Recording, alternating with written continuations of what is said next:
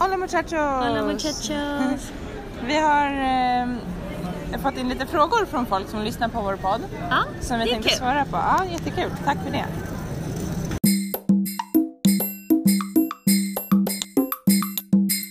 Eh, då har vi dels fått, eh, vi kör vi pangpåba. Ja. Eh, dels, det, det är mycket liksom om Peru och skolsystemet och sånt. Mm. Så då har vi första frågan då. Eh, är om barn måste gå i skolan här. Och då Ja. är, Är svaret att ja, att eh, skolan är obligatorisk tills man är 18 år.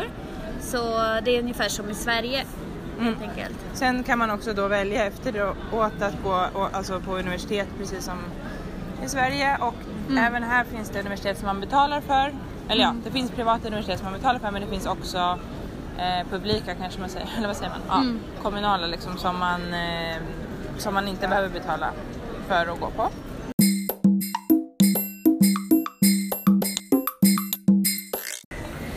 Så sen en annan fråga vi har fått är om vi har riktiga lektioner i vår verksamhet.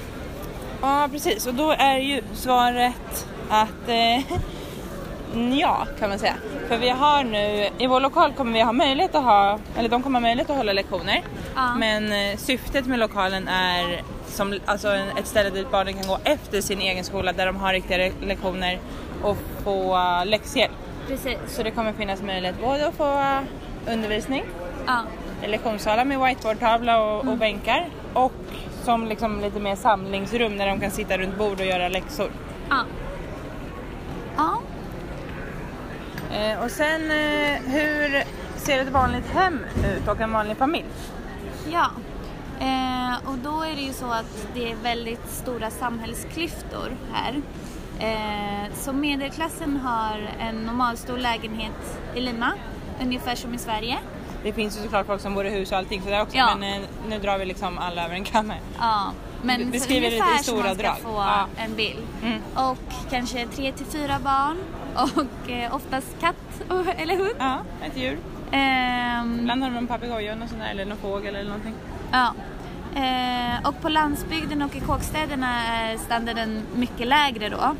Eh, och där kan ett hus bestå av eh, exempelvis fyra plåtväggar och en plywoodskiva till tak bara. Och eh, golvet i sand. Ja exakt, att man har liksom ingen golv utan de här plåtväggarna står rätt på. Ja. Och där har man ju oftast fler barn och hela familjen jobbar för att försörja sig.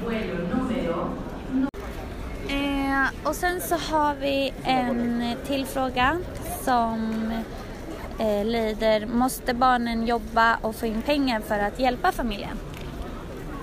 Ja, tyvärr är det ju mycket så att det är mycket fattigdom i det här landet.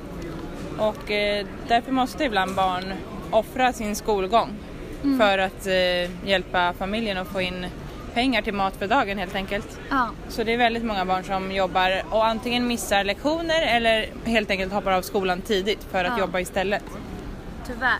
Ja. Ehm, ja, det var lite kort om skolsystemet och så vidare i, i ehm, Peru. Ja. och utbildning och, och så vidare och vad vi jobbar med. Ja, eh, och sen hade vi ju fått en till fråga och det är hur smakar marsvin? Eh, och den får vi återkomma med helt enkelt. Ja. Eh, Vi jobbar mycket med cliffhangers. ja. Okej, Hasta luego. hasta luego!